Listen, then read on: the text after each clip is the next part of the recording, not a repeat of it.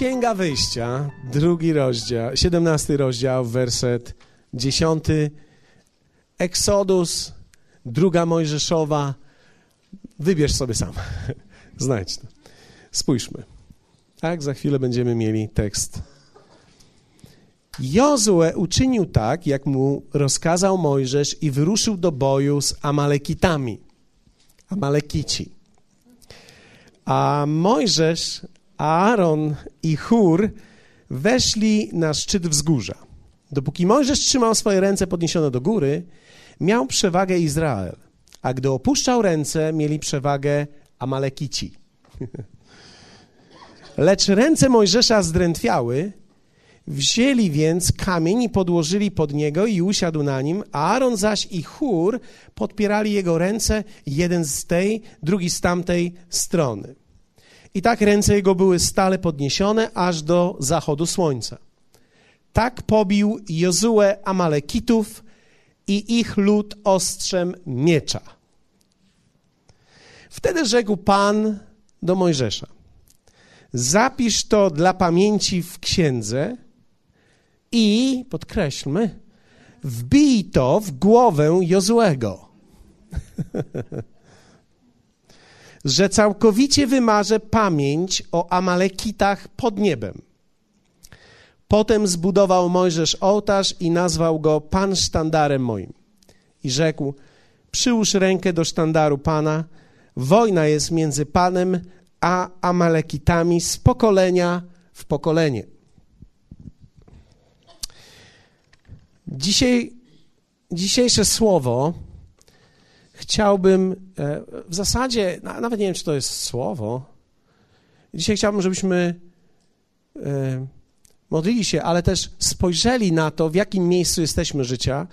I chciałbym, e, prawdopodobnie będziemy rozwijali tą myśl dalej w przyszłym tygodniu. Dzisiaj na pewno zakończymy. Ja lubię odcinki, ale gdy się kończą. Tak? Czyli dzisiaj będzie jeden odcinek, skończy się i za tydzień będzie drugi odcinek. Jak zwyciężyć w swojej głowie? Głowa. Głowa. Twoja głowa jest miejscem zwycięstwa lub porażki w życiu. Tutaj mamy bardzo interesujący fragment, e, który pokazuje e, taką rzecz.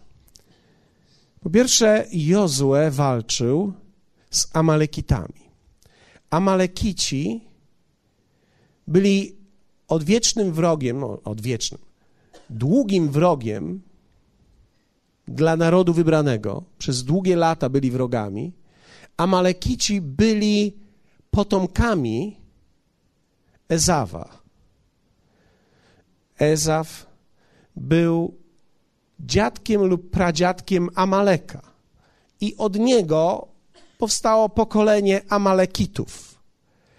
Amalekici nienawidzili Żydów, ponieważ ten naród żydowski w tym błogosławionym, błogosławionej części, tak? On, jemu się powodziło, a ci zawsze musieli pracować.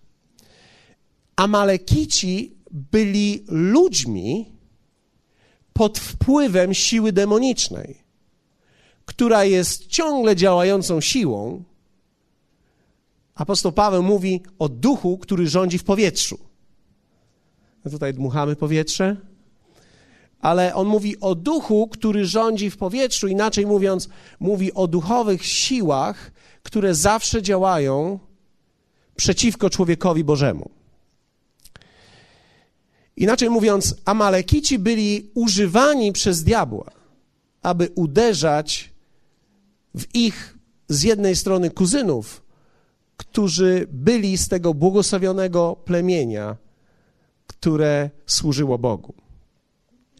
Więc można powiedzieć, że oni są wrogami, ciągłymi wrogami. I teraz, ponieważ oni ciągle walczyli, to oni stawali przeciwko narodowi. To nie jest tak, że oni stawali na drodze, to jest tak, że oni uderzali na ten naród. Oni są symbolem pewnej myśli, która ciągle uderza w Bożego człowieka. Oni są symbolem ciągłych słów negatywnych, wypowiadanych w stronę człowieka. To byli ci, którzy ciągle oskarżali Boży lud i mieli pretensje do Bożego ludu za to, że on był błogosławiony, a oni nie. Widzimy, że Jozue walczył z nimi. Bardzo ciekawie Mojżesz to, Bóg mówi do Mojżesza w bardzo interesujący sposób. Zapisz to dla pamięci w księdze, inaczej mówiąc, zapisz to, koniecznie zapisz to. I jeszcze na dodatek mamy tutaj wbij to w głowę Jozłego, że całkowicie wymarzę pamięć o Amalekitach pod niebem. Co to oznacza? To oznacza, że całkowicie twój wróg, który cię uderza w twoją myśl, w twoją głowę, będzie pobity i zniszczony. Powiedz mu, że ja wymarzę pamięć o nich. Oczywiście werset 16 mówi o tym, że wojna między Panem Ama, a Amalekitami z pokolenia w pokolenie. Czyli Amalekici zostali wyniszczeni, ale duch, który motywował Amalekitów, nie. Tak? Ponieważ duchy będą dopiero osądzone w dniu ostatnim i wtedy skończy się ich wpływ na tej ziemi. Więc Amalekici, kiedy zostali wyniszczeni, to był sygnał dla Jozłego, że nie będziesz miał kogoś, kto cię będzie atakował.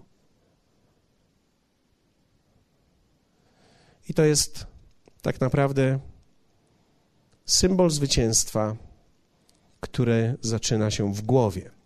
Bardzo ciekawie to Bóg mówi do Mojżesza: wbij to w głowę Jozłego. Wiecie, to oznacza coś więcej niż tylko przekaż wiadomość Jozłemu. Czy widzicie to, że to jest różnica? No.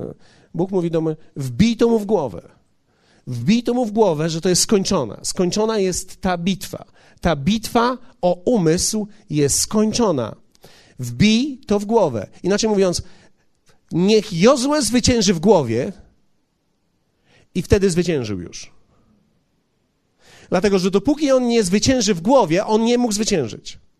Więc wbij mu to do głowy. W hebrajskim te słowa są użyte, one, one brzmią trochę inaczej. W hebrajskim jest dokładnie tak. Mów do Jozułego ciągle to samo, aż w końcu uwierzy w swojej głowie i w swoim sercu, że Amalekitów nie ma. Innymi słowy, powtarzaj mu to do głowy ciągle, aż stanie się to prawdą dla niego. I wtedy to pokona. E, wiecie, wielu ludzi wykorzystywało tą formę działania. Mówią, mówi się dzisiaj, kłam, aż ludzie uwierzą, że to jest prawdą. Dlatego, że okazuje się, że częstotliwość tego, co słyszymy, wpływa na to, co wierzymy. Więc Bóg mówi: Mów do Jozłego tak to długo, aż on uwierzy, że pokonał Amalekitów na zawsze. Jest praca nad jego głową. Wiecie, nawet Bóg wiedział, że wszystko zaczyna się w Twojej głowie.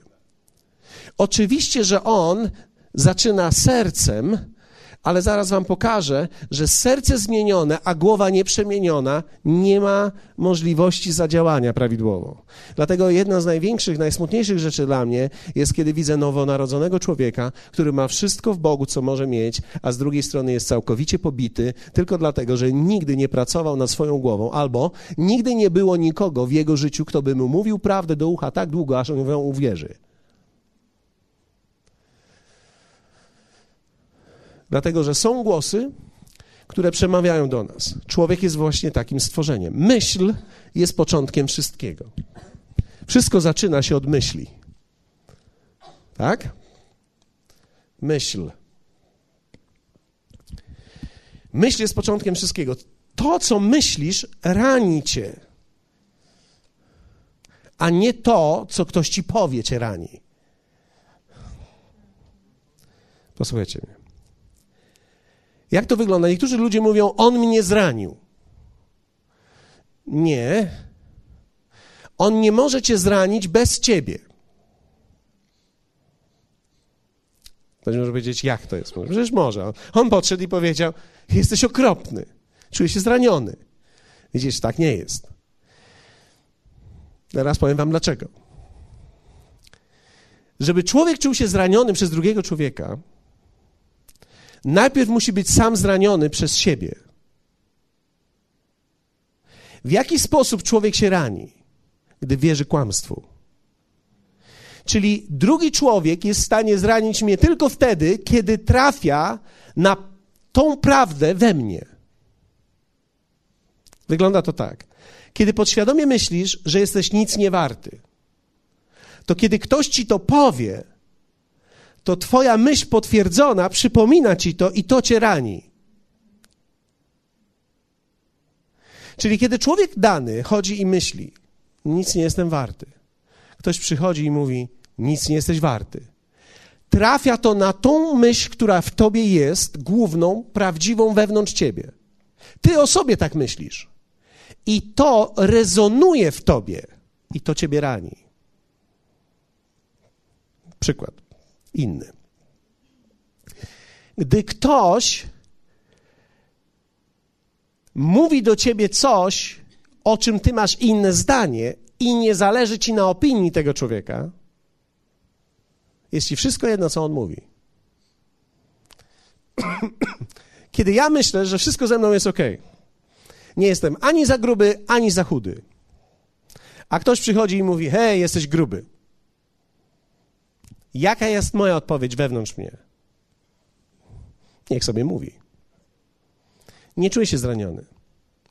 Ale kiedy ja w sobie myślę, jestem wstrętnie gruby, okropnie gruby, i ktoś przychodzi i mówi: Chyba przytyłeś. Trafia to na moją myśl, która jest we mnie dominująca, i to mnie rani. Człowiek jest zraniony. Żeby człowieka zranić, musi być podstawa w nim. Jesteście? Człowiek nie musi słyszeć od innych, wystarczy, że myśli o tym w swojej głowie i to go już rani.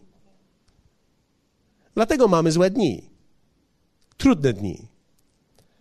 Dlatego, dlaczego mamy złą, zły dzień? Mamy zły dzień, ponieważ mamy ciągłą myśl, że jest źle. Dominująca w tobie myśl jest, że jest źle, że jest zagrożenie, że jest trudno, że jest ciężko. I ta myśl wytwarza w tobie kolejny aspekt twojego człowieczeństwa, którym jest uczucie. Posłuchajcie, to jest wynik nieradzenia sobie ze sobą, swoimi uczuciami powstałymi pod wpływem myśli w swojej głowie. Dlaczego? Bo każda myśl rezonuje wewnątrz ciebie i uderza w uczucie. Każda Twoja myśl tworzy wewnątrz Ciebie uczucie.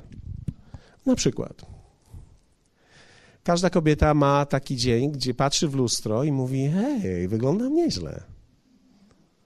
Ona nie mówi tego głośno, ona to mówi do siebie w głowie. Hmm. Hmm. Hmm. hmm. Ona do siebie przemawia. Jak wychodzi? Wychodzi z garderoby albo z tych wszystkich innych, z łazienki, cokolwiek.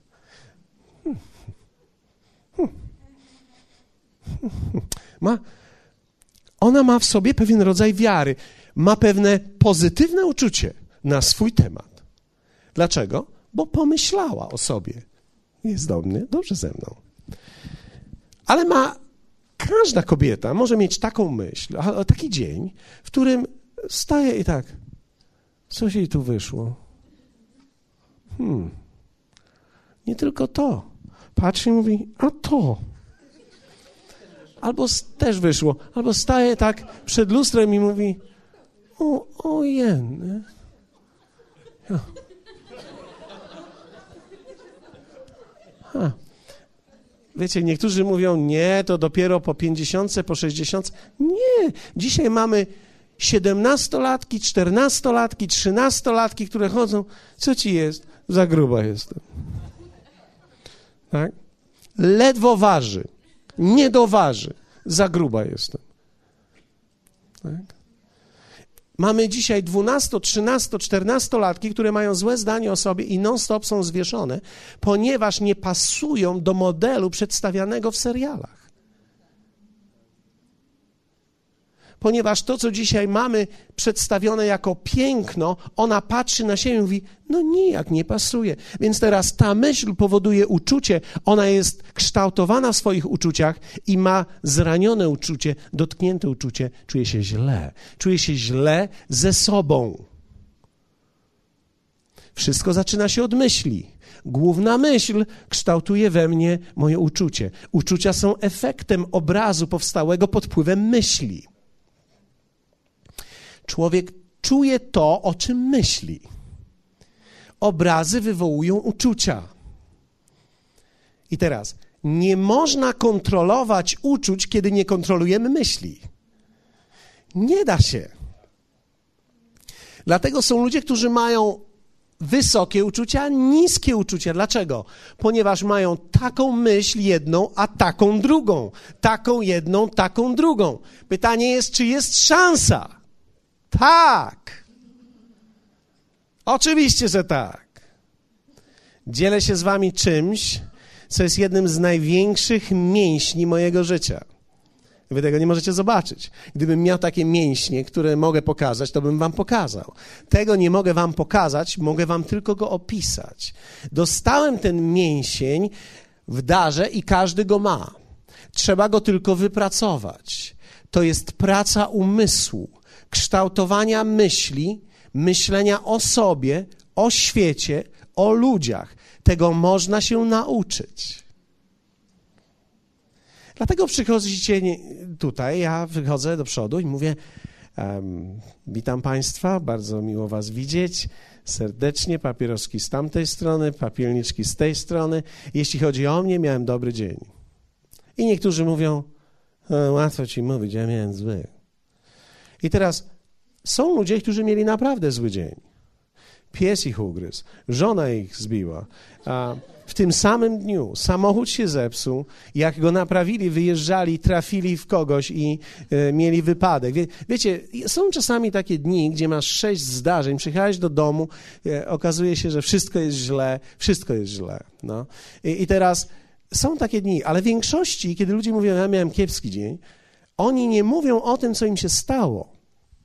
Oni opowiadają o tym, jaka myśl była dominująca tego dnia, i jak się czuli przez cały dzień. I teraz większość z ludzi nie kontroluje swoich myśli w ogóle, myśląc, że. No, może tak, nie myśląc. Myśląc bezmyślnie o myślach, które są raniące i dołujące. Wiecie, jeśli pozwolisz, aby Twoja. Tak, my już segregujemy śmieci. My już segregujemy w pralce kolory, a w dalszym ciągu nie segregujemy myśli i pozwalamy każdemu śmieciowi prać się w naszym proszku.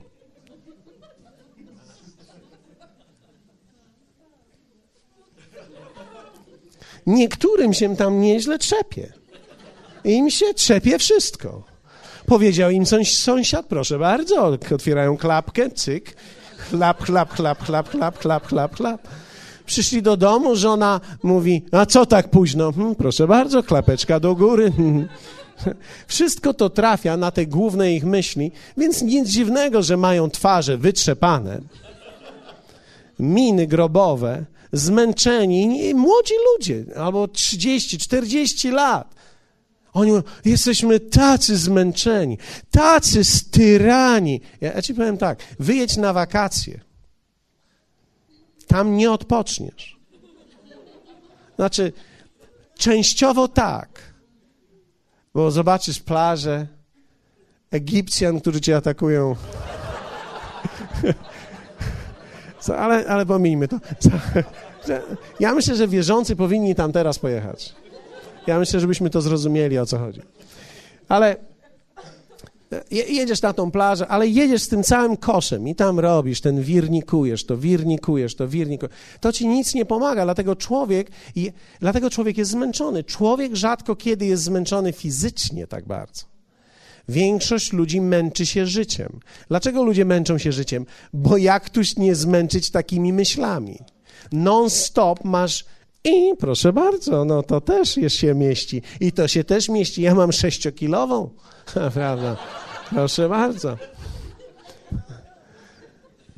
My myślimy, będzie źle, jest trudno, jest gorzej, mam flaka, mam łyse opony, co teraz będzie? Przegub mi strzelił i, i, i strzela mi tutaj. I wiecie, niektórzy e, są, są obszary życia, w których mamy, e, jesteśmy bardzo wrażliwi. I diabeł wie o tym, ponieważ dowiedział się od nas. My bardzo często reklamujemy wszystkim i wszystko wobec, co się dzieje w naszym życiu. W związku z tym, a jemu jest bardzo łatwo nas kontrolować, bo on dobrze wie, co u nas słychać. Więc on podrzuca nam różnego rodzaju myśli, okoliczności, to tworzy obszar uczuć. I teraz człowiek czuje to, o czym myśli.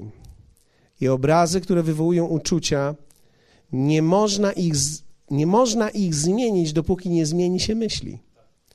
Człowiek jednak może ukierunkować swój umysł, sprawić, aby myślał we właściwy sposób. Niektórzy ludzie są tak poturbowani wewnątrz, ponieważ nie radzą sobie z emocjami, które powstają pod wpływem obrazów. Wbij to w głowę Jozłego. No coś musimy sobie wbić. Wiecie, gdyby Mojżesz nie wbijał w głowę Jozłego czegoś, Jozue miałby problemy chodziłby, oglądałby się za sobą Amalekici, Amalekici, Amalekici, Amalekici, może Amalekici. Wbij mu to do głowy, że już jest po nich. Wbij mu to do głowy. I kiedy mu wbił to do głowy, to on se szedł i myśli, żadnie Amalekici, to już w ogóle nie przeszło przez głowę jego. Dlaczego? Ponieważ człowiek może zafunkcjonować właśnie w taki sposób, że kiedy jego myśl jest prawidłowa, nagle czuje się dobrze. Jak z wielu z was chciałoby się czuć dobrze. Ktoś może powiedzieć, zmień moje okoliczności, to się poczuje dobrze. Kłamstwo. Kłamstwo. Dlaczego? Ponieważ Twoje okoliczności, nawet jeśli dzisiaj zostaną zmienione, zawsze ktoś będzie musiał je zmieniać, bo nie będą takie, jakbyś chciał, żeby były. Nie ma takiej możliwości, żeby zawsze okoliczności były dobre. Okoliczności są złe, będą złe, nikt nie wymyślił, żeby były dobre. Ja nawet nie wiem, czy do końca w niebie będą wszystkie okoliczności po mojemu. Prawdopodobnie nie. Nie wiem, co ty myślisz o niebie, ale ja myślę, że jak ja pójdę do nieba, a tam będzie jeden król, tak, to nie będzie tak, jak ja chcę. Więc prawdopodobnie muszę się nastawić, że nawet jak pójdę do nieba, będę miał złe okoliczności. Ktoś usiądzie w moim rzędzie, żeby śpiewać. Ktoś usiądzie obok mnie, żeby słuchać słowa, a nie będzie miał dezodorantu. Wiecie, różne są sytuacje, okoliczności życia są różne. Generalnie nie są pozytywne, nie wszystkie. A jednak musimy uczyć się w tych negatywnych okolicznościach sięgnąć do tego miejsca zwycięstwa, ponieważ dopóki nie zwyciężysz w swojej głowie, nie zwyciężyłeś nigdzie. Ktoś może powiedzieć, no ale to w takim razie ty chcesz, abyśmy żyli iluzją, tak? Ponieważ jeśli ja teraz będę żył i będę szczęśliwy, to oni mnie zamkną, bo wszystko jest, wszystko jest źle, a ja jestem szczęśliwy. Nie, ja nie mam na myśli tego, że będziesz nagle wielce szczęśliwy i teraz będziesz odrealniony i zupełnie odetniesz się od rzeczywistości. Poczekaj, jeszcze nie skończyłem kazania. Nie osądzaj mnie po tym, że się będziesz dobrze czuł. Bo to nie jest koniec. To jest początek życia ale bardzo ważny. Zaczyna się wszystko od właściwej myśli. To kształtuje Twoje uczucia. Właściwe uczucia kształtują naszą wolę. To dokładnie tak idzie. Wola to kierunek podjętych działań pod wpływem myśli i uczuć połączonych ze sobą. Popatrzcie. Człowiek zawsze podejmuje działanie kiedy myśl i uczucie harmonizują ze sobą. Trudno nam działać, kiedy myśl i uczucia są sprzeczne ze sobą. Teraz przychodzisz do kościoła, ja ci mówię, będzie dobrze. Ty mówisz, jest źle. Czujesz, że jest źle, ja mówię, że będzie dobrze, jak będziesz działał prawie w żaden sposób prawdopodobnie w tym momencie. Gdy wyjdziesz stąd i zapomnisz o tym, co ja powiedziałem, będziesz dalej działał, że jest źle. Dlatego, że jeśli ci powiem, zrób coś teraz, kiedy ja ci powiedziałem, że będzie dobrze, to, jest za mało. Ty musisz w to uwierzyć. To musi się w tobie wymienić. dlatego że nagle masz w sobie myśl, w którą wierzysz, jest źle, i moją myśl jest dobrze, i masz dwie myśli wewnątrz siebie, uczucia nie wiedzą, w którą stronę się zdecydować, więc stajesz się pasywny. Trudno nam działać, kiedy myśl i uczucia są sprzeczne ze sobą. Człowiek staje się pasywny, gdy ma ciągłą walkę między emocjami i myślami. Kiedy widzisz człowieka, który nie działa, jest pasywny, to widzisz człowieka, który ma ciągłą walkę między emocjami i myślami. Kiedy człowiek walczy między emocjami i myślami, jest pasywny. Człowiek musi się ułożyć, powiedzmy razem ułożyć. Tacy ludzie mało działają, bo są sparaliżowani w swojej woli, czyli nie wiedzą, jaki kierunek działań powinni podjąć. Człowiek o rozdwojonym umyśle, podzielony w swojej duszy. Mm, Jakub pisze o tym, o człowieku, który jest rozdzielony, rozdźwięk, ro, ma, ma rozdźwięk wewnątrz siebie. On nie wie, jak ma się zdecydować. On ma tu mieszankę i tu ma mieszankę, generalnie pralka. Jego wola nie jest zdecydowana. On nie wie, co ma zrobić, w którą stronę w swoim życiu. I to mu się podoba, budzi w nim pozytywnie, i to mu się podoba, budzi w nim pozytywnie, dlatego nie wie, co ma wybrać. Kiedy człowiek widzi coś, dwie rzeczy pozytywne, nigdy nie będzie wiedział, co ma wybrać, bo uczucia podążają za każdą myślą. Więc czuję to i czuję to. Kocham dwie, którą wybrać. Tak? Ja wiem, że to jest w tej chwili e, przy, przypadek tylko dla nielicznych, ale zdarza się tak. Więc, więc teraz myśl, kształtowanie myśli. Bóg mówi do Mojżesza: wbij to Jozuemu, mów do niego tak długo, aż uwierzy w to. Dlatego ja wierzę w spotkania też czwartkowe, wierzę w kasety, w płyty, wierzę w to, że człowiek musi umieć otoczyć swoje życie prawidłową myślą i ktoś może powiedzieć, ja już tak długo słucham. E, wiesz, słuchaj, nie, nie mów jak długo, nie, nie patrz jak długo. Do skutku to zrób. Bo jak długo to zależy od naprawdę indywidualnych cech człowieka. Jeden łapie rzeczy w ciągu roku, inny potrzebuje 20 lat. Ktoś mówi, 20 lat? No co ja będę robił? Prawdopodobnie nic. Ale po 20 latach jesteś w stanie coś zrobić. Lepiej jest, czy w ogóle nic lepiej nie zrobić? Lepiej jest zrobić coś po 20 latach? Wtedy będę miał 60, albo wtedy miał, miał 50, albo wtedy miał, miał 40. Ja ci powiem, to nie chodzi o to, kiedy człowiek naprawdę zacznie coś robić. Chodzi o to, żeby w ogóle zaczął. Większość ludzi, gdy nie zacznie zmieniać siebie, nigdy nic nie zrobią. Nigdy nic nie zrobią. Jeśli nie zaczniesz dzisiaj, nie będziesz miał nawet pięciu lat szczęśliwych. Czy warto jest mieć pięć lat szczęśliwych? Warto. Warto jest dla jednego dnia szczęśliwego zmieniać siebie, zmieniać swoją myśl, przekształcać to. I teraz ja zwróciłem uwagę, że, że jest kilka fragmentów ciekawych, jeśli chodzi o głowę. E, macie jeszcze chwilę? To już tak strasznie szybko minęło. Już minęło. minęło. A, ale nie, no dobrze, to idziemy dalej.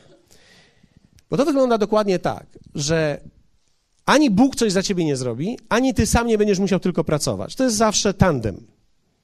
Bóg nigdy nie kupuje nam roweru i nie mówi jedź, tylko zawsze kupuje nam tandem, mówi ty jedziesz, ja jadę.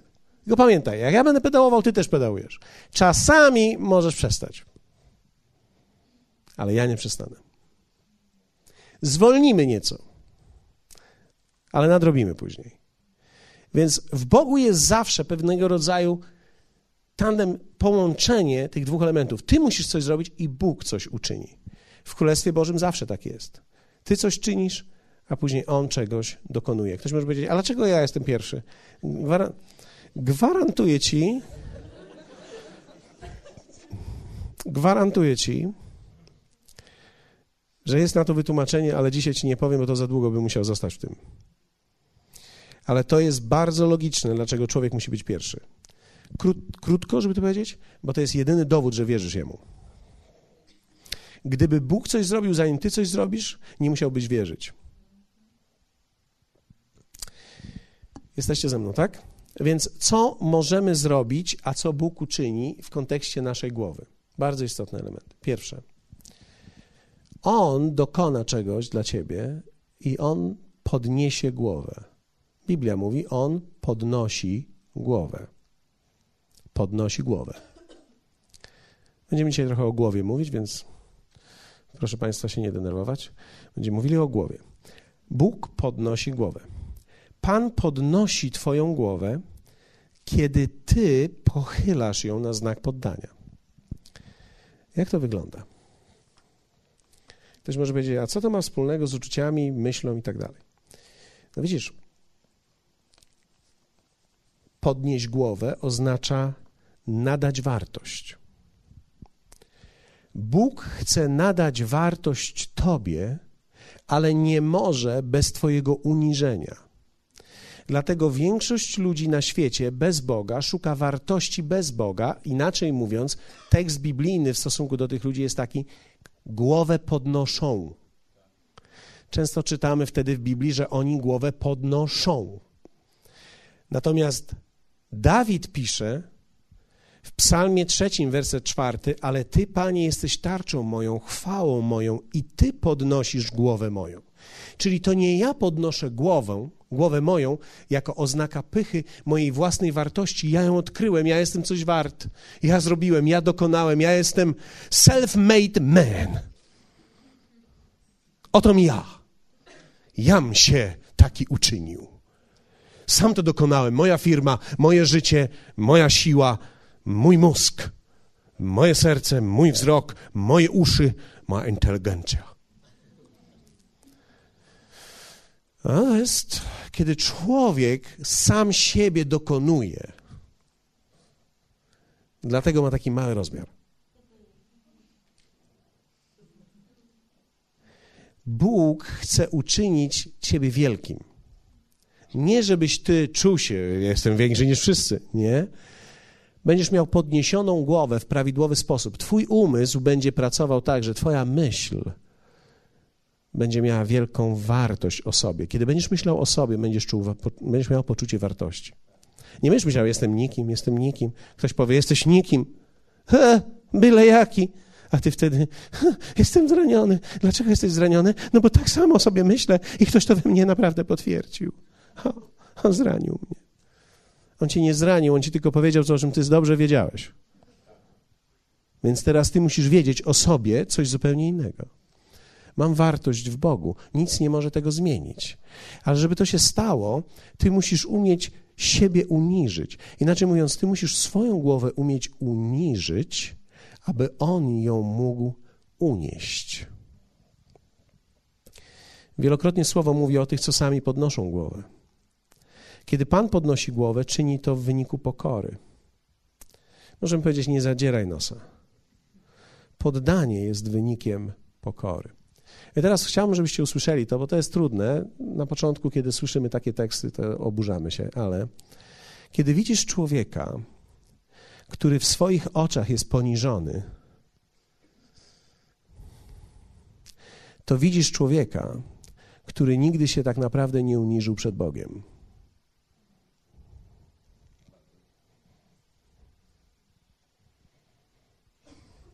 Kiedy przychodzi ktoś do ciebie i mówi: Jestem nikim, jestem okropny, jestem straszny, jestem nikim, fatalny jestem, rozmawiasz z poczwarą pychy. Pierwsza nasza myśl jest taka: O, jaka bida, no. Czemu on tak o sobie źle myśli? Jak mu pomóc? Nie jest z tobą tak źle. Naprawdę? Nie, naprawdę jesteś fantastyczny. No, mów do mnie, mów do mnie. I on wyjdzie z ciebie trzy godziny terapii. Wyjdzie z tego miejsca i znowu zwis. Jestem okropny, jestem straszny. Dlaczego? Bo dopóki Pan nie podniesie Twojej głowy, będziesz żył jako poniżony w swojej własnej pysze. Jeśli widzisz człowieka, który jest poniżony w swoich własnych oczach, widzisz człowieka, który jest pyszny. Trzeba się uniżyć przed Bogiem, a On podniesie ci głowę. Ale kiedy On podniesie ci głowę, nie będziesz szukał, żeby wszyscy zobaczyli Twoją głowę. Będziesz po prostu się czuł dobrze. Twoje myśli będą wypełnione myślami takimi. Ha, wow, jakie ja to miałem szczęście, ale miałem szczęście. Znalazłem Boga. Uniżyłem się przed Nim, On podniósł moje życie. Mam wartość dzisiaj. Niczego nie potrzebuję, żeby udowodnić tej wartości. Nie potrzebuję mieć, nie potrzebuję, nie wiem kim być, nie potrzebuję być nawet popularny. Ja, ja po prostu się dobrze czuję ze sobą. Siedzę na swoim taborku w kuchni i myślę sobie, jakież to jest fajne to życie, no. Nie musisz leżeć na plaży, nie musisz, nie musisz nawet e, e, ssać, e, ciągnąć drinka z pomarańczą na brzegu ocukrzoną. Po prostu ciągniesz herbatę z kubka i myślisz sobie, jakie to życie jest fantastyczne. Hmm. Dlaczego? Ponieważ Twoja myśl o Tobie jest prawidłowa. Pan podniósł Ci głowę. On nadał Tobie wartości. Jeśli Bóg nie nada Tobie wartości, będziesz albo poniżony w sobie, albo arogancki.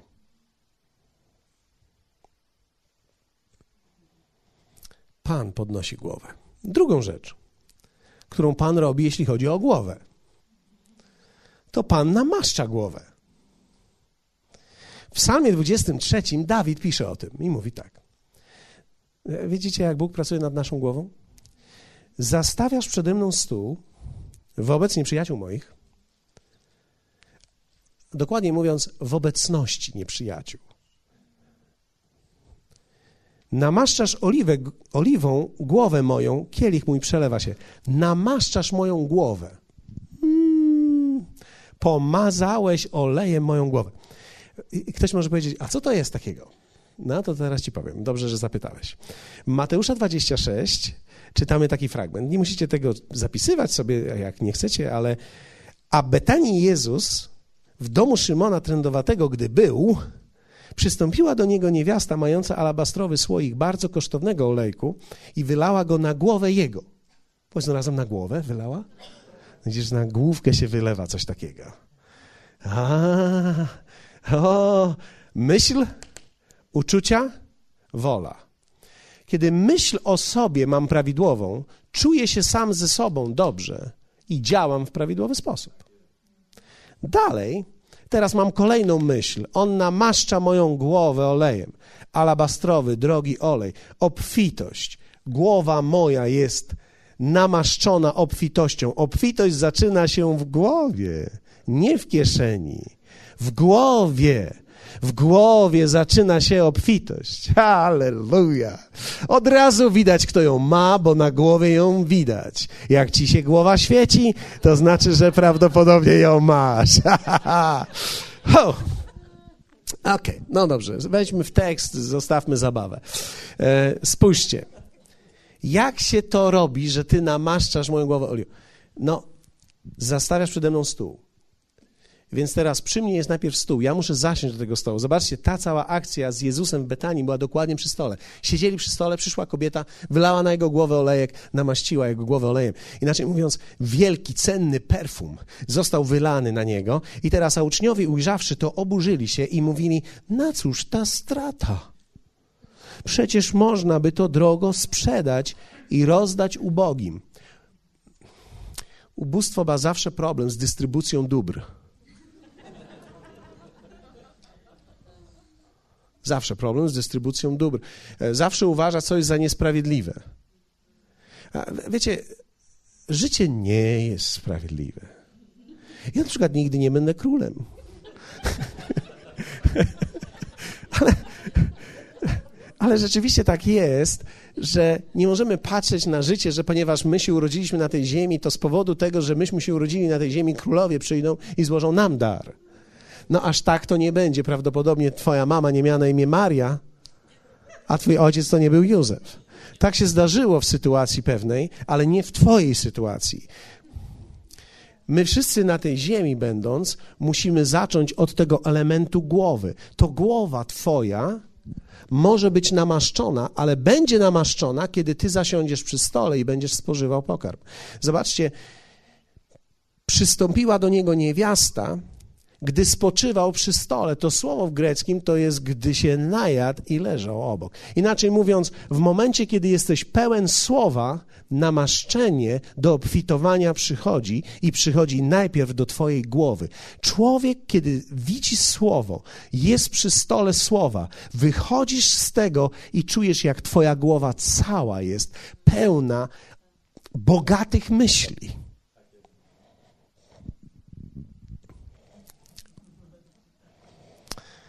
Ale niektórzy będą mieli wypolerowane głowy od dzisiaj. Ja wam mówię, to się wszystko zaczyna od głowy. Namaszczasz głowę moją olejem cennym tutaj. Dlatego ja wierzę w to, że w obfitości chrześcijańskiej jest element zaradności i element ponadnaturalnego Bożego działania. To nigdy nie jest tak, że to ty musisz być taki bystry, ty musisz coś robić, ale Bóg będzie działał. To jest oznaka prosperowania w umyśle. Człowiek najpierw staje się bogaty w głowie, a potem to dokonuje się na zewnątrz jego. I teraz pozwól, że zadam Ci pytanie, bo to jest bardzo istotne. To bardzo łatwo sprawdzić. Łatwo sprawdzić. To jest ten test. Myśl, uczucie, wola. Jaką masz myśl, możesz sprawdzić po tym, jak się czujesz. Zadam Ci pytanie. Nie czy jesteś, czy czujesz się bogaty? Czy czujesz się biedny? Chcesz powiedzieć, ja się czuję średni. No musisz zdecydować. Jak się czujesz? Jak naprawdę się czujesz? Gdy siedzisz w domu, jak się czujesz? Czujesz się bogaty? Czy czujesz się, oj, ciężko, oj, ciężko. O, Holender, i taki rachunek przyszedł, no. No proszę, już zapiął. No proszę, za ogrzewanie, no przecież, no, skaranie boskie, no. Co to jest w ogóle? Co to w ogóle jest? Jak, to, jak tak można, no? Rata taka wysoka, no. Frank poszedł w górę. No to franki, no. Frank poszedł w górę, koniec. Co teraz ze mną będzie? No nie wiem. Ja, ja się zastanawiam, chcesz mi powiedzieć, że jak Frank poszedł w górę, to Bóg poszedł w dół? Wiecie, w konsekwencji my zawsze zadajemy sobie to pytanie. W konsekwencji to zawsze gdzieś pada, gdzieś, gdzieś w to miejsce. Frank w górę, Bóg gdzie? Chyba, że żyjesz rzeczywiście w oderwaniu, że Bóg, no, on jest tam w niebie, a my tutaj na tej ziemi, padole ziemskim, musimy normalnie tego Franka obrabiać, no. no, no, no. Obfitość to walka umysłu, a nie rynku. To nie jest walka rynku, to jest walka umysłu. Gdy jesteś przy stole słowa i spoczywasz przy nim, obfitość przyjdzie do ciebie. On namaszcza głowę, tak? Więc on podnosi głowę, on namaszcza głowę.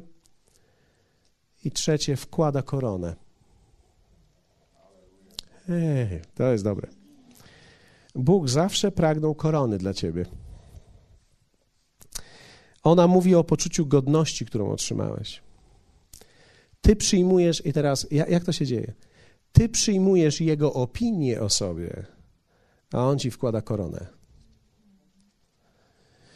W Psalmie 21 czytaliśmy to wcześniej, kiedyś, parę tygodni temu, bo wyszedłeś naprzeciw z darami, które przynoszą błogosławieństwo, włożyłeś na głowę jego koronę szczerozłotą. Bóg wkłada koronę. Ty nie wkładasz sobie korony. Ty nie namaszczasz swojej głowy, ani ty nie podnosisz swojej głowy. To jest wszystko dzieło Boże. Ty uniżasz siebie, a On podnosi ci głowę. Tak?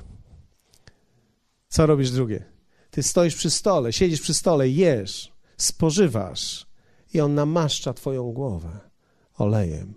Obfitość wylewa się na ciebie. I teraz przyjmujesz Jego myśl o swojej godności,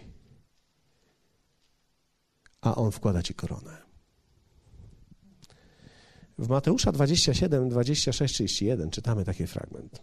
Posłuchajcie go uważnie. Wtedy wypuścił im Barabasza, a Jezusa po ubiczowaniu wydał na ukrzyżowanie. Wówczas żołnierze namiestnika zabrali Jezusa na zamek i zgromadzili wokół niego cały oddział. I zdjęli z niego szaty i przyodziali go w płaszcz szkarłatny. I uplecioną z ciernia koronę włożyli na głowę jego. A trzciną trzcinę dali w prawą rękę jego i upadając przed nim na kolana, wyśmiewali się z niego i mówili: Bądź pozdrowiony, królu żydowski.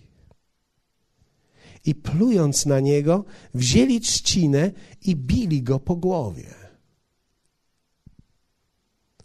A gdy go wyśmiali zdjęli z niego płaszcz, oblekli go w szaty jego i odprowadzili go na ukrzyżowanie. Zanim Jezus był ukrzyżowany, był najpierw ukoronowany przez tych, którzy się go wyśmiewali. Ale zanim był wzięty tam, stał przed Piłatem, który go pytał: Czy ty jesteś królem żydowskim? A Jezus stojąc, odpowiedział: Sam powiedziałeś, że nim jestem. Inaczej mówiąc, wiecie, to, jeśli ktoś z Was potrafi to przyjąć przez objawienie, nie tylko przez intelekt, ale jeśli ktoś z Was potrafi to przyjąć. Jezus dobrze wewnątrz wiedział, że jest królem.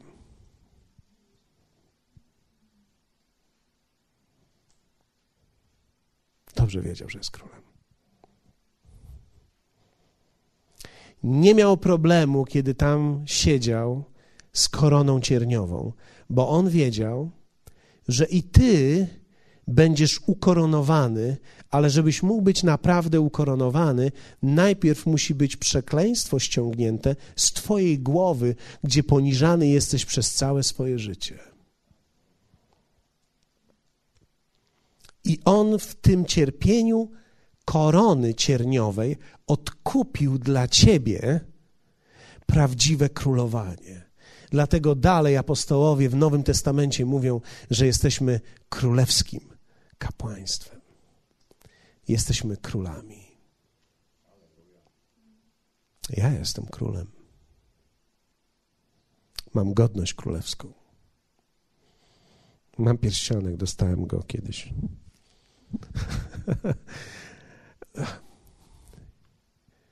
Bóg czasami będzie robił różne rzeczy dla nas.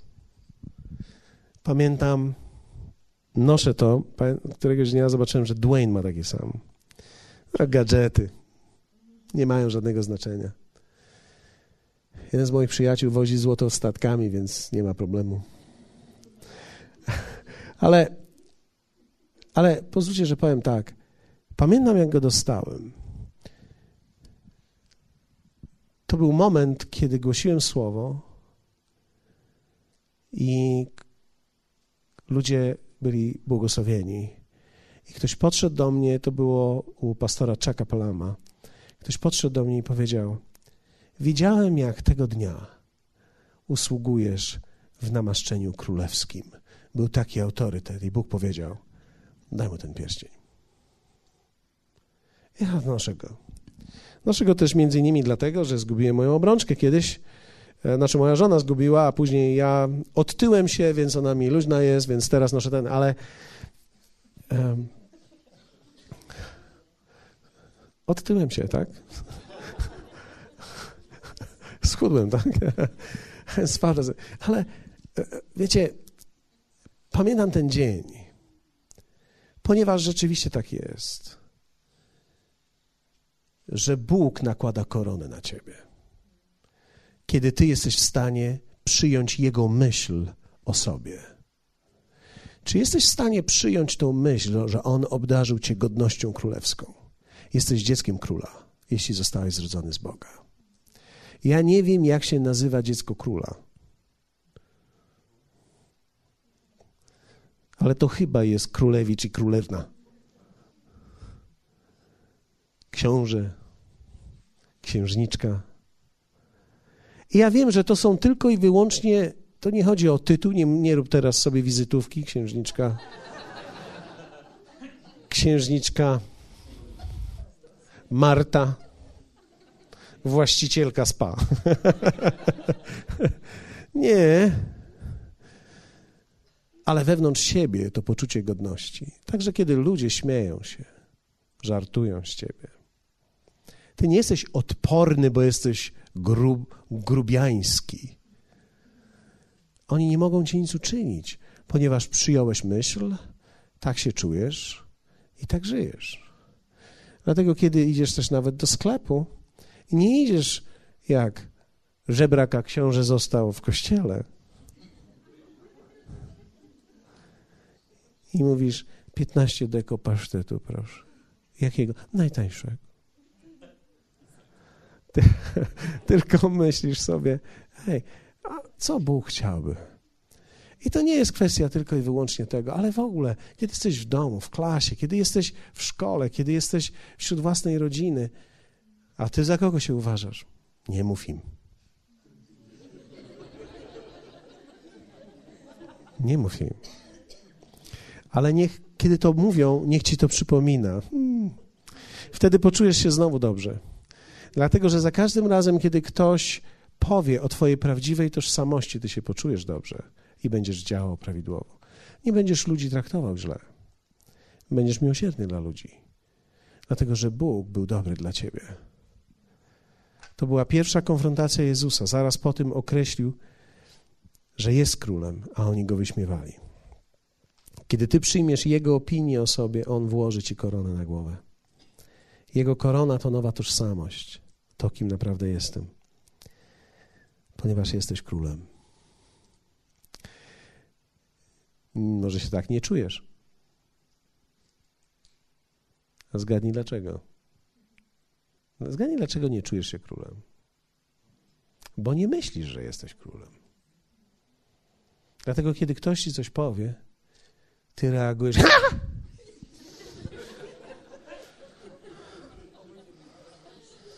Co oni mi powiedzieli? Kiedy jesteś królem, po prostu dygasz.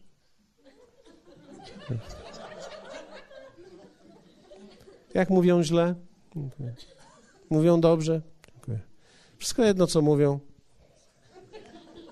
Dlatego, że to nic nie zmienia w stosunku do tego, co jest we mnie. I wiecie, dzisiaj chciałbym, żebyśmy się chwilę modlili. Chciałbym, żebyś stanął przed Bogiem. Jeśli czujesz się źle, czujesz się poniżony, to chciałbym Ci powiedzieć, że to jest to jest pycha. Ktoś może powiedzieć, teraz mnie jeszcze dobijasz. Nie dość, że, nie dość, że czuję się źle, to jeszcze mówisz, że jestem pyszny. A powiem więcej, jesteś poczwarą pychy. Jeśli czujesz się źle. Dlatego, że tak naprawdę to Twoja własna myśl dominuje, nie Jego. Pozwól Jemu, aby On podniósł Ci głowę. Pozwól Jemu, aby On namaścił Ci głowę. I pozwól, aby On Cię ukoronował. Dlatego, że Twoja bitwa, zwyciężenie lub porażka jest w Twojej głowie. Dlatego Bóg mówi do Mojżesza, tylko wbij to Jozłemu do głowy. Wbij mu to do głowy.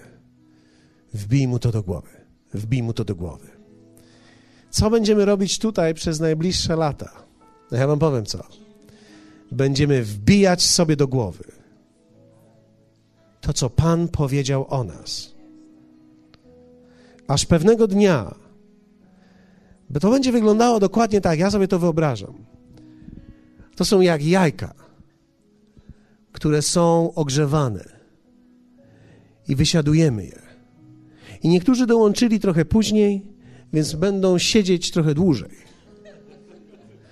Niektórzy się, niektórzy byli dawno, ale się sturlali i tam leżą na zimno. Jajka sadzone. Ja. Jajka odkręcone. Nie, niektórzy są za daleko, żeby ich ogrzało. No i to tak jest. No nie wykluje się, za nic się nie wykluje. A że tak obrazowo było, to jesteś jajkiem z nóżkami. Ty możesz tam podreptać, tak? Podreptać. Przylgnijcie, przylgnijcie do słowa, przylgnijcie do Niego, przylgnijcie do siebie nawzajem. I ja widzę to w ten sposób, że będziemy widzieć, jak, jak te skorupki pękają. I wychodzi to życie. To nowe życie będziemy widzieli, jak wychodzi. I ja już widzę, jak ono wychodzi. I to jest coś, co po tych 20 latach, wiecie, widzę różne jaja, ale widzę.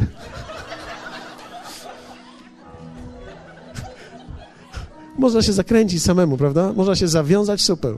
Ja wam mówię. Widzę różnego rodzaju jajka.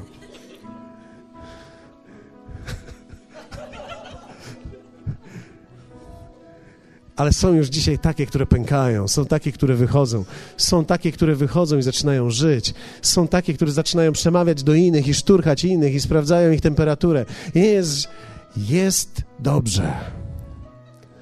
I tak będzie. Wielu z nas, którzy tu przyszliśmy, byliśmy pobici, zniszczeni, zranieni. Takie było życie większości z nas. Wyglądaliśmy dobrze, przyjechaliśmy może na ładnie, przyjechaliśmy ładnie ubrani, ładnym samochodem, ale wiecie, nasze życie, nasze wnętrza były spustoszone i wierzę w to, że Bóg chce odnowić je zupełnie dać nam w to nowe życie.